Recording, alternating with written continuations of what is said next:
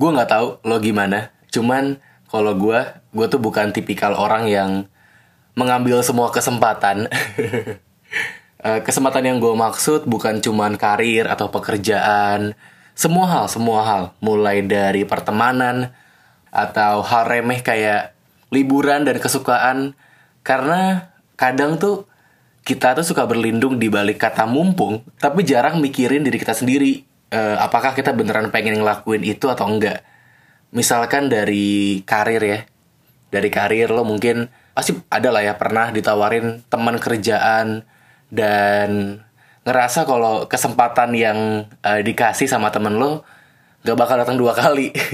Jadi kayak oh mumpung nih mumpung ditawarin kerjaan gue juga lagi eh, gabut lagi slow gitu kan misalkan. Dan lo langsung ngambil aja gitu tanpa mikirin apa outputnya buat lo. Jadi cuman sekedar buat ngisi waktu luang. Karena kalau ngomongin kerjaan gue tuh orang yang punya tiga komponen penting buat ngambil kesempatan yang dikasih sama orang lain. Pertama tuh yang pasti eh, pendapatan itu pasti. Yang kedua relasi juga pasti. Dan yang ketiga adalah manfaat buat orang lain itu yang pasti. Tiga hal yang pasti yang eh, selalu gue pikirin kalau misalkan ngambil kesempatan dari orang lain eh maksudnya kalau dari tawaran kerjaan itu nggak punya eh, satu di antara ketiga yang tadi, kalau gue sih mending gak usah diambil gitu. Karena yang penting eh, lo tahu itu kan outputnya kan. Output apa yang bakal lo dapetin dari kerjaan yang lo lakuin, lo tahu tracknya dulu deh ibaratnya. Kalau lo pakai prinsip jalanin aja dulu, itu nggak bisa diterapin ke kerjaan karena karena bakal bikin lo ngedumel di tengah-tengah gue yakin. Karena lo nggak bakal tahu tracknya pasti. Jadi kalau misalkan lo di tengah jalan ke sandung batu kecil itu langsung ngedumel. Ah elah nih. Tau gitu gak usah gue ambil ya kan? Cuman karena sekedar ngisi waktu luang doang. Jadi kalau gue sih perlu ada tiga komponen itu.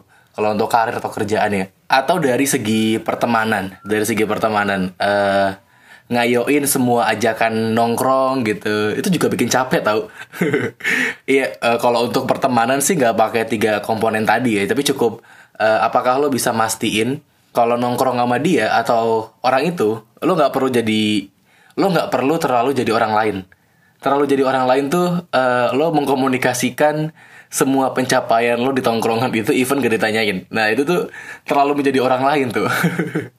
Apalagi apalagi kalau mengkomunikasikan pencapaiannya dengan bumbu-bumbu kebohongan gitu tuh nggak usah lah nggak usah mending nggak usah gitu. Atau sesimpel eh ya lu jangan nongkrong cuman karena biar ada bahan story supaya kelihatan punya banyak temen deh. Nah itu tuh. Karena sebenarnya lu udah nggak ada willing buat ngelakuin itu nggak ada keinginan sebenarnya. Cuman ah ya udah deh gitu ya. Ambil dulu aja deh. Lumayan bisa buat ini bisa buat ini tapi lo nggak tahu apakah lo beneran nyaman. Atau eh, experience gitu atau kesukaan juga sama.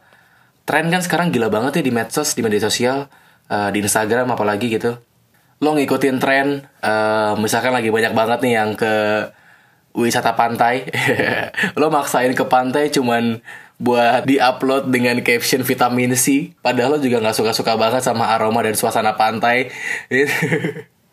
Ya nggak usah gitu nggak usah.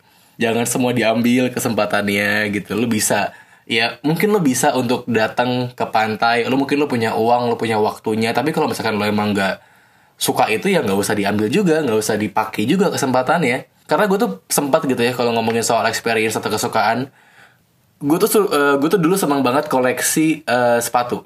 Sampai sekarang sih cuman dulu tuh gue di tahun 2017 eh, 2018 awal explore Instagram gue tuh penuh dengan kolektor-kolektor sepatu eh, Converse kolaborasi. Nah, jadi karena gue sering ngeliatin yang kayak gitu-gitu tuh, akhirnya gue mulai ngoleksi sepatu-sepatu kolaborasi Converse gitu dengan harga yang kadang nggak masuk akal. Cuman pas udah kebeli dan eh, dan lo tahu semakin nambah umur eh, semakin kesukaan juga beda ngelihat sepatu-sepatu yang gue beli tuh kayak aduh ngapain sih gue beli ginian ya?